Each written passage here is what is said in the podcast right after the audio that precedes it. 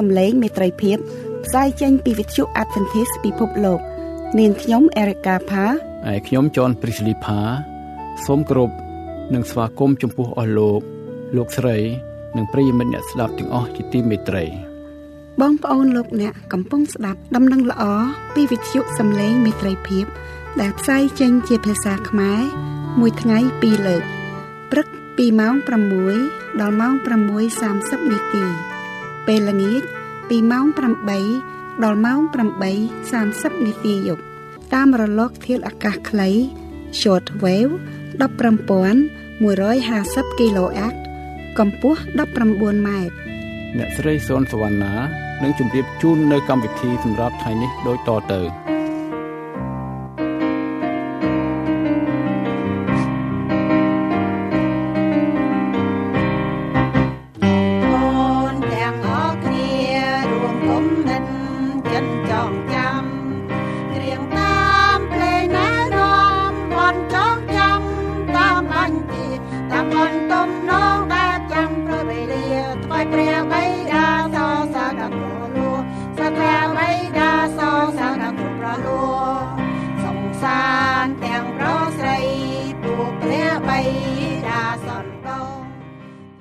បងប្អូនស្ងួនភ្ងាជាទីគោរពនិងជាទីមេត្រី លោកពេត្រុសនៅក្នុងសម្បត្តិទី2របស់លោក នៅចំពុក3ខ15ដល់ខ16សម្ដែងថា ហើយត្រូវរាប់សេចក្តីអត់ធ្មត់របស់ព្រះអង្គម្ចាស់នៃយើងទុកជាសេចក្តីសង្គ្រោះដូចជាប៉ុលជាបងប្អូនស្ងួនភ្ងារបស់យើងខ្ញុំ បានសរសេរមកអ្នករាល់គ្នា តាមប្រាជ្ញាដែលព្រះបានប្រទានមកលោកដែរ ដូចជាក្នុងគ្រប់ទាំងសម្បត្តិរបស់លោក ដែលសុទ្ធតែសម្ដែង ពីសេចក្តីទាំងនេះ នោះមានសេចក្តីខ្លះដែលពិបាកយល់ហើយពួកអ្នកខ្លៅល្ងងនិងពួកមិនភ្ជាប់ជួន គេបង្វែរនៃសេចក្តីទាំងនោះដូចជាគេបង្វែរបတ်កម្ពីឯទៀតដែរឲ្យខ្លួនគេត្រូវវិនិច្ឆ័យប្រកាសណាស់មានបတ်បន្ទូលជាច្រើនកន្លែង នៅសញ្ញាថ្មី ជាពិសេសក្នុងសម្បត្តិលោកប៉ុល ទៅកាន់ក្រុងរ៉ូមបានធ្វើឲ្យអ្នកអាននិងគ្រីស្ទៀនមិនយល់ឬយល់ខុសពីន័យដែលព្រះគម្ពីរចង់សម្ដែងមកកាន់យើង ថ្ងៃនេះសូមអញ្ជើញបងប្អូនលោកអ្នកស្ដាប់កតិបាយពុស្ដាពីលោកគ្រូសនសុផាត ដែលមានសម្លេងដើមទាំងស្រុងដូចតទៅសូមព្រះជាម្ចាស់ប្រទានព្រះពរដល់បរិបូរដល់សម្ដាប់នៃព្រះបន្ទូលព្រះនៅថ្ងៃនេះអម្ចាស់អើយគឺទ្រង់ហើយ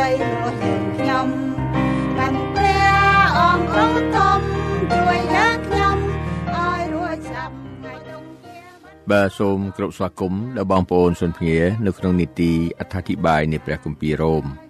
ឬដំណើរឆ្លងកាត់ព្រះគម្ពីររ៉ូមជាមួយនឹងលោកប៉ុលបងប្អូនលោកអ្នកយើងបានមកដល់នៅចុងព្រះគម្ពីររ៉ូមចំពុក7នៅក្នុងព្រះគម្ពីររ៉ូមចំពុក7នេះគឺលោកប៉ុលលោកបានលើកមកម្ដងហើយម្ដងទៀតអំពីអឺក្រិតវិន័យហើយនឹងអំពើបាប នៅចុងចំពុក7នេះខ្ញុំអញ្ជើញបងប្អូនលោកអ្នកមើលនៅក្នុងខ19ខ្ញុំមិនប្រព្រឹត្តការល្អដែលខ្ញុំចង់ធ្វើនោះទេ តែការអាក្រក់ដែលខ្ញុំមិនចង់ធ្វើបែនោះបែជាខ្ញុំធ្វើវិញ ដូច្នេះបើខ្ញុំប្រព្រឹត្តការដែលខ្ញុំមិនចង់ធ្វើនោះមិនមែនខ្ញុំដែលធ្វើការនោះទៀតទេ គឺជាបាបទេតើ ដែលនៅក្នុងខ្លួនខ្ញុំវិញយ៉ាងនោះខ្ញុំឃើញច្បាប់មួយនេះថាឯខ្ញុំដែលចង់ប្រព្រឹត្តតែសេចក្តីល្អនោះចេះតែមានសេចក្តីអាក្រក់ជាប់នៅនឹងខ្ញុំជានិច្ចតែបើតាមបែកខាងក្នុងខ្ញុំត្រេកអរចំពោះក្រឹតវិន័យរបស់ព្រះ តែខ្ញុំឃើញមានអំណាចមួយទៀតក្នុងអស់ទាំងអវយវៈរបស់រូបកាយខ្ញុំ ដែលច្បាំងនឹងអំណាចនៃគំនិតខ្ញុំ ទាំងចាប់នាំខ្ញុំទៅជាប់ក្រោមអំណាចអំពើបាប ដែលនៅក្នុងអវយវៈនៃខ្លួនខ្ញុំទាំងប៉ុន្មានផងវេទនាណាស់ខ្ញុំតើអ្នកណានឹងជួយឲ្យខ្ញុំរួចពីតួសេចក្តីស្លាប់នេះទៅបានអរគុណព្រះអង្គខ្ញុំមើលត្រង់នេះសិនបងប្អូនលោកអ្នកយើងឃើញថាលោកប៉ុលបានបញ្ជាក់ប្រាប់អំពីអំណាច2ដែលនៅក្នុងខ្លួនរបស់លោក ហើយបើសិនជាលោកប៉ុលជាមនុស្សដូចយើងដែរយើងរាល់គ្នាក៏នឹងអាចមានអំណាចពីរនៅក្នុងនៃរាងកាយយើងដែលច្បាំងគ្នាទៅវិញទៅមក ការនោះបងប្អូនលោកអ្នកគឺលោកប៉ុលបាននិយាយបានចែងយ៉ាងច្បាស់ថាចិត្តរបស់គាត់គឺគំនិតរបស់គាត់ក៏ចង់ធ្វើល្អណាស់ប៉ុន្តែសាច់ឈាមរបស់គាត់ទាញឲ្យធ្លាក់ចុះទៅក្នុងអំពើបាបវិញ បងប្អូនលោកអ្នកចាំទេ នៅក្នុងពេលដែលព្រះយេស៊ូវទ្រង់បាននៅក្នុងអឺនៅក្នុងសប្តាហ៍បរិសុទ្ធមុនពេលដែលព្រះអង្គទ្រង់សម្រេចនៅព្រះមហាពុជនីយកិច្ចដើម្បីលុះបាបយើងនោះ នៅវេលាយប់នោះបើយើងគិតមើលយើងរាប់ថ្ងៃគេថាវេលាយប់ថ្ងៃប្រហោះ គឺព្រះយេស៊ូវបានយាងចូលទៅក្នុងសួនច្បារកេតសាមីនី ហើយបងប្អូនលោកអ្នកដឹងហើយថាមិនមែនទៅនៅពេលថ្ងៃទេគឺទៅនៅពេលយប់ហើយប្រហែលជានៅប្រហែលជាពាក់ពាក់កណ្ដាលអត្រាទៅទៀតពេលនោះព្រះជាម្ចាស់ទ្រង់បាននាំសិស្សចំណិតខ្លះចូលទៅឯកណ្ដាលសួនច្បារកេតសាមនីដើម្បីអធិដ្ឋានប៉ុន្តែទុកសិស្សខ្លះនៅឲ្យចាំនៅខាងក្រៅ ដូច្នេះយើងឃើញថាពេលព្រះយេស៊ូវបានយាងត្រឡប់មកវិញព្រះអង្គទ្រង់បានឃើញសិស្សទាំងអស់គេនាំគ្នាដេកណាគេនាំគ្នាដេកស្រមុកនៅទីនោះ បានព្រះយេស៊ូវទ្រង់ដាស់ថាអ្នករាល់គ្នាអឺក្រន់តែចាំយាមអធិដ្ឋានចាំយាមបន្តិចប៉ុណ្ណោះមិនបាន បានព្រះអង្គមានព្រះបន្ទូលថាអេវិញ្ញាណនោះចង់ប៉ុន្តែសាច់ឈាមខ្សោយ បងប្អូនលោកអ្នកឃើញកន្លែងនឹងហើយដែលយើងឃើញថា នេះគឺជាលក្ខណៈនៅក្នុងលោកប៉ុលបាទលោកប៉ុលលោកបង្ហាញអំណាចពីរនៅក្នុងអឺនៅក្នុងខ្លួនរបស់លោកនោះគឺថាមួយគឺអំណាចខាងអវយវៈដែលទាញធ្លាក់ចុះក្នុងអំពើបាបហើយមួយទៀតគឺជាអំណាចខាងចិត្តគំនិតដែលចង់ធ្វើការល្អ ហើយបានជាគាត់បញ្ជាក់នៅក្នុងនេះថាវេទនាណាខ្ញុំតើអ្នកណានឹងជួយឲ្យខ្ញុំរួចពីសេចក្តីស្លាប់នេះទៅបានបងប្អូនលោកអ្នកចាំនេះនៅក្នុងព្រះគម្ពីររ៉ូមចំពុក6បានបញ្ជាក់ច្បាស់គឺលោកប៉ុលបានលើកម្ដងទៀតនៅទីនេះ គឺថាស្របគ្នាទៅនឹងការនោះដែលនៅក្នុងគម្ពីររ៉ូមចំពុក6ខ23ណាគម្ពីរចែងថាត្បិតឈ្នួលរបស់អំពើបាប នោះគឺជាសេចក្តីស្លាប់ តែអំណោយទាននៃព្រះវិញគឺជាជីវិតដែលនៅអស់កលជានិច្ចដោយព្រះគ្រីស្ទយេស៊ូវជាព្រះអម្ចាស់នៃយើងរាល់គ្នាពាក់កណ្ដាលខាងមុខនោះថាត្បិតឈ្នួលរបស់អំពើបាបនោះជាសេចក្តីស្លាប់បងប្អូនលោកអ្នកដឹងហើយថាកាលណាអ្នកណាម្នាក់ធ្វើបាប គេតែងទទួលផល ផលគឺជាសេចក្តីស្លាប់ហើយបងប្អូនលោកអ្នកអាចដណ្ដឹងសួរទៀតថាតើអ្វីទៅដែលជាអំពើបាប យើងអាចរកឃើញនៅក្នុងព្រះគម្ពីរមិនចែងយ៉ាងច្បាស់អំពីអត្តន័យឬក៏យើងនិយាយថានិយមន័យនៃអំពើបាបនៅក្នុងគម្ពីររ៉ូមចំពុក6ខ23នេះគឺគូគ្នាជាមួយនឹងព្រះគម្ពីរមួយខទៀតនៅក្នុងគម្ពីរយ៉ូហានខ្សែទី1ចំពុក3ខ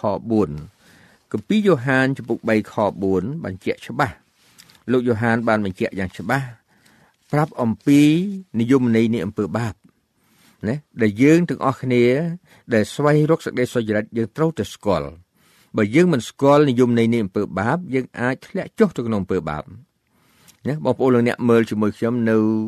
គម្ពីរយ៉ូហានខ្សែទី1ចំពុក3ខ4នៅទំព័រព្រះគម្ពីរបរិសុទ្ធ1587ខ្ញុំអានអេអស់អ្នកណាដែលប្រព្រឹត្តអំពើបាបវិញ នោះក៏ឈ្មោះថាប្រព្រឹត្តរំលងក្រិតមនីដែរត្បិតអំពើបាបជាការរំលងក្រិតមនីហើយបងប្អូនលោកអ្នកបន្តិចទៀតយើងនឹងមើលលំអិតមកខាងក្រោមដែលជាប់តេតិនឥឡូវនេះបងប្អូនយើងមើលឃើញថាគម្ពីរយ៉ូហានខ្សែទី1ចំពុក3ខ4នេះគឺចែងអំពីនិយមន័យនៃអំពើបាប ហើយភ្ជាប់គ្នាជាមួយនឹងគម្ពីររ៉ូមចំពុក6ខ23យើងឃើញថា ត្បិតឈ្នួលរបស់អំពើបាបនោះគឺជាសេចក្តីស្លាប់ដូច្នេះហើយបានជានៅទីនេះលោកប៉ុលលោកបានលើកបញ្ជាក់ម្ដងទៀតនៅគម្ពីររ៉ូមចំពុក7ខ24ថាវេទនាណាស់ខ្ញុំតើអ្នកណានឹងជួយឲ្យខ្ញុំរួចពីតួសេចក្តីស្លាប់នេះទៅបាន ពីព្រោះថាប្រសិនបើគាត់នៅតែអឺចាញ់អំណាចនៃខាងអវយវៈខាងសាច់ឈាម គាត់ធ្វើបាប គឺគាត់ត្រូវតែធ្លាក់ចុះទៅក្នុងលទ្ធផល គឺជាសេចក្តីស្លាប់ខ25អប្រគុណដល់ព្រះអង្គគឺដោយសារព្រះយេស៊ូវគ្រីស្ទជាព្រះអម្ចាស់នៃយើងរាល់គ្នាដូច្នេះខ្លួនខ្ញុំគោរពប្រណិប័តតាមក្រឹតវិន័យរបស់ព្រះដោយគំនិតខ្ញុំ តែខាងសាច់ឈាមខ្ញុំ នោះតាមច្បាប់របស់អំពើបាបវិញ គឺលោកបញ្ចប់នៅក្នុងគម្ពីររ៉ូមចំពុក7នេះអំពី អឺជីជំនះកាលណាយើងទាំងអស់គ្នាយើងនៅជាមួយនឹងព្រះយេស៊ូវ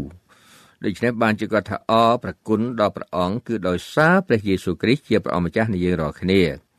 ដូច្នេះខ្លួនខ្ញុំគោរពប្រណិប័តតាមក្រឹតវិន័យរបស់ព្រះដោយគំនិតខ្ញុំ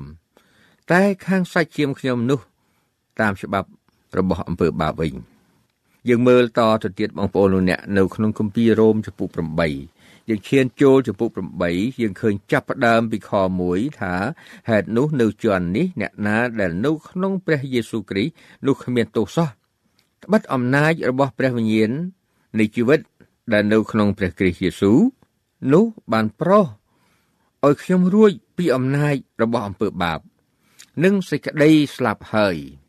ពីព្រោះឯការដែលក្រិតវិន័យធ្វើមិនកើតនោះមាន ដោយមានសេចក្តីកំសោយព្រោះសាច់ឈាម នោះព្រះទ្រង់បានធ្វើវិញ ដោយចាត់ព្រះរាជបុត្រាទ្រង់ឲ្យមក មានរូបអង្គបែបដូចជាសាច់ឈាម ដែលតែងតែមានបាប ហើយដោយព្រោះអំពើបាបក៏កាត់ទោសអំពើបាបនៅក្នុងសាច់ឈាមយើងមើលមកខពីទៀតដើម្បីឲ្យបងប្អូនយើងបានយល់ច្បាស់យើងនឹងពិភាក្សាបន្ទាប់នោះនៅខ4 ដើម្បីឲ្យសក្តីដែលក្រិតវិន័យបង្កប់មក បានសម្រេចក្នុងខ្លួនយើងរាល់គ្នា ដែលមិនដើរតាមសាច់ឈាមគឺដើរតាមព្រះវិញ្ញាណវិញពីព្រោះអស់អ្នកណាដែលតាមសាច់ឈាម នោះគិតតែខាងសាច់ឈាម តែអស់អ្នកណាដែលតាមព្រះវិញ្ញាណនោះគិតតែខាងវិញ្ញាណវិញត្បិតគំនិតខាងសាច់ឈាមនោះ ជាសក្តីស្លាប់ទទេឯគំនិតនៃព្រះវិញ្ញាណនោះទៅជាជីវិត និងសេចក្តីសុខសាន្តវិញ ព្រោះគំនិតខាងសាច់ឈាមនោះរមែងទាស់ទៅទឹងនឹងព្រះត្បិតមិនចោះចូលនឹងក្រឹតវិន័យរបស់ព្រះទេក៏ពុំអាចនឹងចោះចូលបានផងពួកអ្នកដែលនៅខាងសាច់ឈាមនោះពុំអាចនឹងគប់ប្រហារទីដល់ព្រះបានបានឡើយតែបើសិនជាព្រះវិញ្ញាណនៃព្រះសន្តាត់ក្នុងខ្លួនអ្នករាល់គ្នានោះអ្នករាល់គ្នាមិននៅខាងសាច់ឈាមទៀតទេ គឺនៅខាងវិញ្ញាណវិញ ប៉ុន្តែបើអ្នកណាគ្មានព្រះវិញ្ញាណរបស់ព្រះគ្រីស្ទអ្នកនោះមិនមែនជារបស់ផងទ្រង់ទេ យើងឈប់ត្រង់នេះសិនបងប្អូនលោកអ្នកកន្លែងនេះខ្ញុំធ្លាប់មានអឺលោកគ្រូខ្លះបានសួរខ្ញុំណាសួរខ្ញុំថាគាត់មិនយល់ត្រង់ពាក្យថាណែយ៉ាងម៉េចទៅដែលព្រះគម្ពីរថាខាងសាច់ឈាមបាទខាងសាច់ឈាមតើបានន័យថាម៉េច បងប្អូនលោកអ្នកនៅក្នុងភាសាអង់គ្លេសពាក្យថាសាច់ឈាមនេះគឺគេប្រើពាក្យមួយគេហៅថា flesh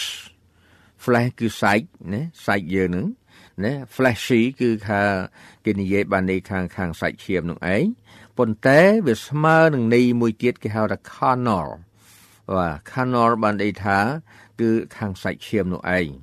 ដូច្នេះបើយើងមើលនៅក្នុងព្រះគម្ពីររ៉ូមលោកប៉ុលបានចង្អុលបង្ហាញយ៉ាងច្បាស់អំពីអត្តន័យនិងនិយមន័យអំពីពាក្យថាខាងសាច់ឈាមដើរខាងសាច់ឈាមគឺដើរយ៉ាងណាបងប្អូនលោកអ្នកនៅក្នុងវគ្គនេះយើងឃើញច្បាស់ណាស់គឺលោកប៉ុលបានលើកបញ្ជាក់ប្រាប់អំពីគំនិតខាងសាច់ឈាមនៅជាសេចក្តីស្លាប់នេះបើយើងមើលពី ខ្លឹមសារពីនិយមន័យនៃអំពើបាបគឺថាអំពើបាបគឺជាការបំពានក្រិតវិន័យក្រិតវិន័យនេះខ្ញុំសូមអញ្ជើញបងប្អូនទាំងអស់គ្នាគិតឲ្យដល់ឲ្យជ្រៅមែនទែនពីព្រោះថាក្រិតវិន័យដែលនៅក្នុងលោកពេត្រុសបានលើកមកសម្ដែងនេះគឺចង់សម្ដៅទៅក្រិតវិន័យ10ប្រការនៅក្នុងច្បាប់ទាំងអស់ក្រិតវិន័យ10ប្រការឈរនៅយ៉ាងរឹងមាំហើយឋិតថេរនៅអស់កាល ហើយក្រិតវិន័យ10ប្រការនោះគឺជាក្រិតវិន័យតែមួយគត់ដែលស្ថិតនៅអស់កលជានិច្ចបបងប្អូនលោកអ្នកដឹងទេយើងឃើញថានៅក្នុងពេលដែលព្រះជាម្ចាស់បានប្រទាននៅបន្ទះថ្មពីរផ្ទាំងដែលជាក្រឹតមនី10ប្រការនោះ គឺយើងឃើញថាច្បាប់មួយដែលចែងនៅក្នុងនឹងគឺថាអំពីចែងអំពីថ្ងៃសបាតថ្ងៃបរិសុទ្ធគឺថ្ងៃទី7នោះគឺជាសញ្ញាដ៏នៅអស់កាលជានិច្ច រវាងយើងហើយនឹងព្រះបងប្អូនលោកអ្នកឃើញទេដូច្នេះប្រសិនបើក្រិតមនីរបស់ព្រះអង្គដែលជារឹកនៅលើបន្ទះថ្ម បានស្ដីថានៃគឺក្រិតមនីណាមួយដែលនៅក្នុងចង្កោមនោះគឺស្ថិតនៅលើក្រិតមនីទាំងមូលដូច្នេះព្រះជាម្ចាស់ចង់បង្ហាញប្រាប់អំពីភាពថិតថេរនៅហើយអំពីភាពថាអស់កាលជានិច្ចនៃក្រិតមនីរបស់ព្រះអង្គដូច្នេះយើងសរុបសេចក្តីមកនៅក្នុង ចម្លើយដែលខ្ញុំបានឆ្លើយប្រាប់ទៅដល់មិត្តភ័ក្តិដែលធ្លាប់ស្គាល់គ្នាហើយគាត់ជាអ្នកបម្រើព្រះដែរប៉ុន្តែគាត់សួរណាអំពីថាខាងសាច់ឈាមនោះបងប្អូនលោកអ្នកគឺថាយើងមើលនៅក្នុងគម្ពីររ៉ូមចំពុក8ខ7យើងនឹងយល់ច្បាស់នៅក្នុងអត្ថន័យនោះ ណាយើងអានទាំងអស់គ្នាព្រោះគំនិតខាងសាច់ឈាមនោះរមែងទាស់ទៅទឹងនឹងព្រះត្បិតមិនចោះចូលនឹងក្រិតវិន័យរបស់ព្រះទេក៏ពុំអាចនឹងចោះចូលបានផង ពួកអ្នកដែលនៅខាងសាច់ឈាមនោះពុំអាចនឹងគប់ប្រហារទេដល់ព្រះបានឡើយបងប្អូនអ្នកឃើញទេដូច្នេះយើងឃើញថា គំនិតខាងសាច់ឈាមគឺជាសេចក្តីស្លាប់គំនិតខាងសាច់ឈាមនោះរមែងទាស់ទៅទឹងនឹងព្រះត្បិតមិនចោះចូលនឹងក្រិតវិន័យរបស់ព្រះទេកន្លែងនេះបញ្ជាក់ច្បាស់ណានៅលោកប៉ុលលោកបញ្ជាក់ច្បាស់ថាអឺគំនិតឬក៏នៃការដើរក្នុងសាច់ឈាមឬក៏ភាពនៅក្នុងសាច់ឈាមដែលក្នុងព្រះគម្ពីរសម្ដែងនេះបានស្ដីថាជាអ្នកដែលមិនកាន់ក្រឹតនៃរបស់ព្រះមិនចោះចូលនឹងក្រឹតនៃរបស់ព្រះក៏ពុំអាចនឹងចោះចូលបានផង ដូច្នេះបងប្អូនលោកអ្នកមើលឃើញនៅក្នុង3ខដំបូងនៅគម្ពីររ៉ូមចំពុក8នេះ គឺថាបានផ្ដល់អោយនៅលក្ខណៈងាយស្រួលមួយក៏ប៉ុន្តែ ធ្វើឲ្យយើងអាចយល់ខុសទៅក្នុងនេះមួយបងប្អូនមើលម្ដងទៀតជាមួយខ្ញុំយើងនឹងឃើញខ្លឹមសារយ៉ាងច្បាស់ថាហេតុនោះនៅជន់នេះអ្នកណាដែលនៅក្នុងព្រះគ្រីស្ទយេស៊ូវនោះគ្មានទោសសោះ កន្លែងនេះមួយដែលយើងឃើញថាលក្ខណៈដែលឥតទោសដោយសារតែនៅក្នុងព្រះយេស៊ូវគ្រីស្ទប៉ុន្តែលក្ខណៈដែលបងប្អូនយល់ដោយចិត្តរបស់យើងនោះបានស្ដីថាម៉េចបានន័យថាអ្នកណាម្នាក់ដែលបានคลายខ្លួនជាអ្នកគ្រីស្ទៀនយើងគិតថាយើងគ្មានទោសសោះបាទគ្មានទោសសោះប៉ុន្តែនៅក្នុងលក្ខណៈនេះតើយើងបានន័យថាម៉េចបានន័យថាយើងមិនចាំបាច់កាន់ក្រឹតវិន័យ10ប្រការ ហើយយើងមិនចាំបាច់ធ្វើអ្វីកន្លែងនេះមួយគឺអាចនឹងនាំឲ្យពួកគ្រឹះបរិស័ទក្តីអាចយល់ខុសហើយអាចនឹងនាំទៅឲ្យបងប្អូនយើងគិតពីរឿងមួយគត់គឺថាកាលណាចូលជឿព្រះអង្គហើយគឺពឹងអាងទៅលើប្រគុណរបស់ព្រះអង្គទៅមួយមុខប៉ុណ្ណោះកន្លែងនេះខ្ញុំសូមអញ្ជើញបងប្អូនថាកុំអោយយើង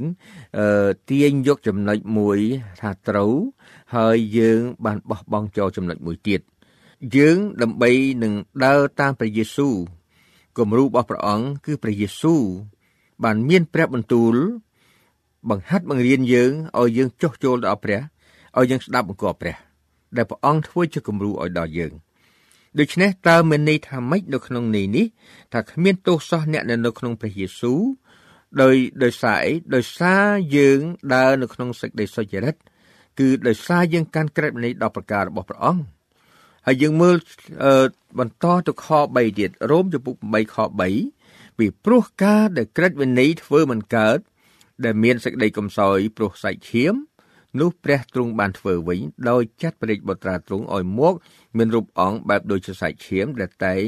តែមានបាបហើយដោយព្រោះអំពើបាបក៏កាត់ទោសអំពើបាបនៅក្នុងសាច់ឈាម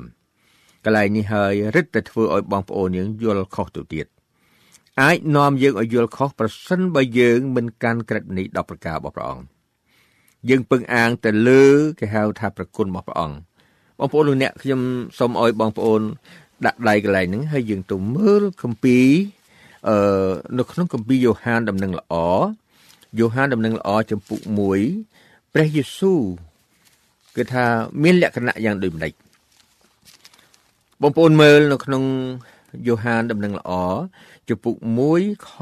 14យើងនឹងឃើញច្បាស់អំពីលក្ខណៈយ៉ាងណា ចំពោះបងប្អូនដែលគ្រាន់តែពឹងអាងប្រគុណប៉ុន្តែមិនអឺ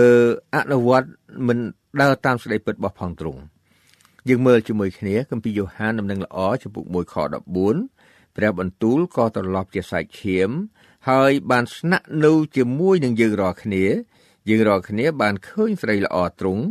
គឺជាស្រីល្អនៃព្រះជាបុត្រាតែមួយដែលមកពីព្រះវរបិតាមានពេញជាព្រះគុណនិងសេចក្តីពិតបងប្អូនលោកអ្នកឃើញព្រះយេស៊ូវទេព្រះយេស៊ូវដ៏ពេញលេញរបស់ព្រះអង្គនោះគឺថាពេញដោយព្រះគុណនិងសេចក្តីពិតបើសិនជាយើងគិតថាយើងពឹងលើព្រះអង្គដើម្បីសេចក្តីសង្គ្រោះរបស់យើង ដោយពឹងតែប្រគុណមួយមុខនោះ បងប្អូនមិនខុសទេប៉ុន្តែបងប្អូនបានតែ50%ទេដូច្នេះដើម្បីឲ្យយើងពេញលក្ខណៈគ្រប់លក្ខណាសុក្រិត100%គឺយើងត្រូវការប្រគុណនិងសេចក្តីពិត នៅក្នុងពេលដែលលោកប៉ុលលោកបញ្ជាក់នៅក្នុងកាពីរ៉ូមគឺលោកចង់និយាយពីស្ដីពិតអំពីក្រិតមនី10ប្រការរបស់ព្រះអង្គបាទនេះហើយគឺជាចំណុចសំខាន់ បងប្អូនលោកអ្នកដឹងទេយើងរៀបចំខ្លួនដើម្បីចូលទៅក្នុងអាណាចក្ររបស់ព្រះអង្គអឺលោកស្រី Ellen G. White បានលើកបញ្ជាក់អំពីសេចក្តីពិត5យ៉ាងដែលយើងមិនអាចនឹងបដិសេធបានណា the five non negotiable truths គឺមានស្អីខ្លះបងប្អូនសេចក្តីពិតអំពីអឺការយាងនិវត្តជាលើកទី2របស់ព្រះយេស៊ូវសេចក្តីពិតអំពីក្រឹតវិន័យ10ប្រការសេចក្តីពិតអំពី អឺថ្ងៃសបាត គឺថ្ងៃបរិសុទ្ធថ្វាយបង្គំព្រះសេចក្តីពិតអំពីរោងអបោសុតរបស់ព្រះអង្គដែលជា បញ្ជាក់ប្រាប់អំពីលក្ខណៈនៃអឺផែនការប្រោះលោះរបស់ព្រះហើយនឹងសេចក្តីពិតទី5នោះគឺជាសេចក្តីពិតអំពីដំណឹងល្អនៃទេវតា3ដូច្នេះខ្ញុំសូមឲ្យបងប្អូនទាំងអស់គ្នា បើយើងមើលព្រះគម្ពីររ៉ូមចំពុក8សូមបងប្អូនគិតទៅដល់ចំណុចដែលព្រះយេស៊ូវបានយាងមកលើផែនដីនេះដើម្បីជាគំរូដល់យើង បានសេចក្តីថាព្រះអង្គបានស្ដាប់អង្គព្រះវរបិតាព្រះអង្គបានកាន់ក្រឹតវិន័យដល់ប្រការរបស់ព្រះវរបិតាហើយព្រះអង្គគឺជាព្រះគុណរបស់ព្រះអង្គព្រះគុណនេះបងប្អូនលោកអ្នកគឺខ្ញុំសូមអញ្ជើញបងប្អូនឲ្យស្ដាប់ពីខ្លឹមសារនៃពាក្យថាប្រគុណ តើយើងទាំងអស់នេះពឹងអាងលើប្រគុណនោះតើយើងស្គាល់ទេថាតើប្រគុណបានន័យថាម៉េចតើអ្វីទៅដែលជានិយមន័យនៃប្រគុណ What does the grace of God mean The grace of God can be epitomized as Jesus Christ died on the cross to atone our sin បើយើងប្រែនៅក្នុងន័យនេះថា ប្រគុណរបស់ព្រះ គឺជាព្រះមហាពុយេកិច្ចដែលព្រះយេស៊ូវ បានចេញបញ្ជូនរបស់ព្រះអង្គជាថ្លៃប្រោសលួសអំពើបាបយើងរាល់គ្នាដូច្នេះកាលណាបងប្អូនទាំងអស់គ្នា យើងធ្វើបាបអ្វីមួយ យើងគិតថាយើងណែពឹងអាងលើប្រគុណបងប្អូនកុំភ្លេចពេលនោះហើយដូចយើងឆ្កាងព្រះយេស៊ូវម្ដងទៀតនៅលើជើងឆ្កាងព្រះអង្គមានព្រះបន្ទូលថាប្រគុណរបស់ព្រះអង្គគ្រប់គ្រាន់សម្រាប់ជួយយើងទាំងអស់គ្នាណាប៉ុន្តែគម្ពីរហេព្រើរបានចែងយ៉ាងច្បាស់គម្ពីរហេព្រើរ បានចែងយ៉ាងច្បាស់យើងមើលជាមួយគ្នាទៅគម្ពីរហេព្រើរគម្ពីរហេព្រើរនៅជំពូក10ខ26ត្បិតក្រោយដែលយើងបានទទួលស្គាល់សេចក្តីពិតហើយបើយើងធ្វើបាបស្ម័គ្រពីចិត្តទៀតនោះគ្មានយ៉ាញ់បូជាណា សម្រាប់នឹងលួសបាបទៀតទេខ27មានតែរងចាំដោយស្ញែងខ្លាចចំពោះសេចក្តីជំនុំជម្រះនិងសេចក្តីសាហាសនៃភ្លើងដែលរៀបនឹងឆេះដល់ អស់ទាំងពួកទាស់ទៅទឹងផងប៉ុណ្ណោះបងប្អូនលោកអ្នកឃើញនៅខ26នោះគ្មានយ៉ាញ់បូជាណា គឺថាគ្មានប្រគុណណាណាបើយើងនិយាយស្មើគ្នាយ៉ាញ់បូជាពីព្រោះក្នុងនេះនិយាយអំពីព្រះយេស៊ូវដែលបានចេញប្រជញ្ញមកព្រះអង្គលួសបាបយើងដោយសក្តិលើជើងឆ្កាងដូច្នេះបើថានោះគ្មានយ៉ាញ់បូជាណាគឺថាគ្មានប្រគុណណាណាគឺប្រគុណណាសម្រាប់នឹងលុះបាបទៀតទេបាទនេះខ្ញុំសូមអោយបងប្អូនលោកអ្នកបានយល់ហើយនៅក្នុងគម្ពីរ អឺយ៉ូហានខ្សែទី1ចំពុក3នៅនៅក្នុងចម្លើយឆ្លើយស្របគ្នាណាទៅនឹងព្រះគម្ពីររ៉ូមចំពុក8មាញ់មិញនេះដែលដែលព្រះគម្ពីរចែងថាហេតុនេះនៅជាន់នេះអ្នកណាដែលនៅក្នុងព្រះយេស៊ូវគ្រីស្ទនោះគ្មានទោសសោះបានស្ដីថាម៉េចបងប្អូនលើយើងទាំងអស់គ្នាមើលទៅលោកយ៉ូហានសាវកយ៉ូហានលោកបាន មានប្រសាសន៍យ៉ាងម៉េចនៅយ៉ូហានខ្សែទី1ចំពុក3ខ5តពីនិយមន័យនៃអំពើបាបនៅខ4ថាត្បិតអំពើបាបជាការរំលងក្រឹតវិន័យហើយខ5អ្នករាល់គ្នាដឹងហើយថាទ្រង់បានលិចមកដើម្បីនឹងដោះបាបយើងចេញ ហើយក៏នៅក្នុងទ្រង់នោះគ្មានបាបសោះខ6ឯអស់អ្នកណាដែលនៅជាប់ក្នុងទ្រង់នោះមិនដែលធ្វើបាបទេ តែពួកអ្នកដែលធ្វើបាបវិញគេមិនបានឃើញទ្រង់ឡើយក៏មិនស្គាល់ទ្រង់ផងដូច្នេះបងប្អូនលោកអ្នកយល់ថាម៉េចបើយើងជាគ្រីស្ទៀនបើយើងជាអ្នកដើរតាមផ្លូវព្រះបើសិនជាយើងទាំងអស់គ្នាគិតថាយើងនៅក្នុងព្រះអង្គយើងគ្មានទោសសោះនោះពីព្រោះអីពីព្រោះថាអ្នកដែលនៅក្នុងព្រះគ្រីស្ទពិតប្រកបមានទានគឺគេមិនធ្វើបាបទេបានស្ដីថាម៉េចបានអ្នកនៅក្នុងព្រះគ្រីស្ទមានទានគឺគេដើរតាមក្រឹតវិន័យ10ប្រការ ដែលព្រះបានរៀបចំដែលព្រះបានប្រទានមកឲ្យយើងទាំងអស់គ្នាជាក្បួនខ្នាតនៃសេចក្តីសុចរិតខ្ញុំសូមអរគុណព្រះអង្គសូមព្រះជាម្ចាស់ប្រទានពរបងប្អូនយើងនឹងជួបគ្នានៅនាទីក្រោយទៀតតពីព្រះគម្ពីររ៉ូមជំពូក8សូមព្រះជាម្ចាស់ប្រទានប្រពរអាមែន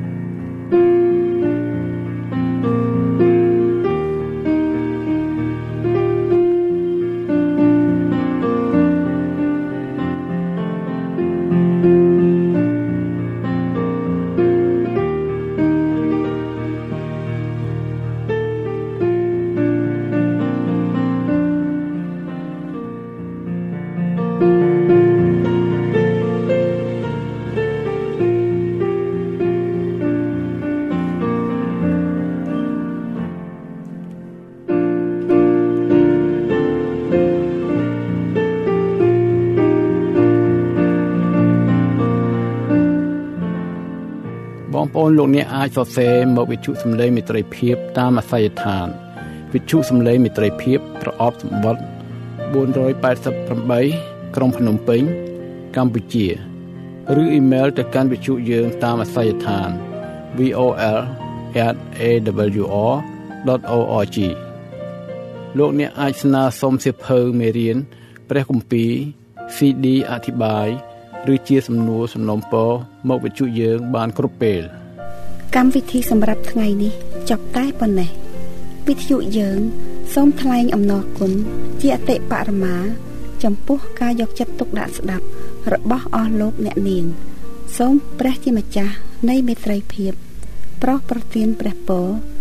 គឺសេចក្តីសុខសន្តិភាព អំណរនិងសុភមង្គល ជានិច្ចនិរន្តរ៍តរៀងទៅរៀបត្រីសួស្តី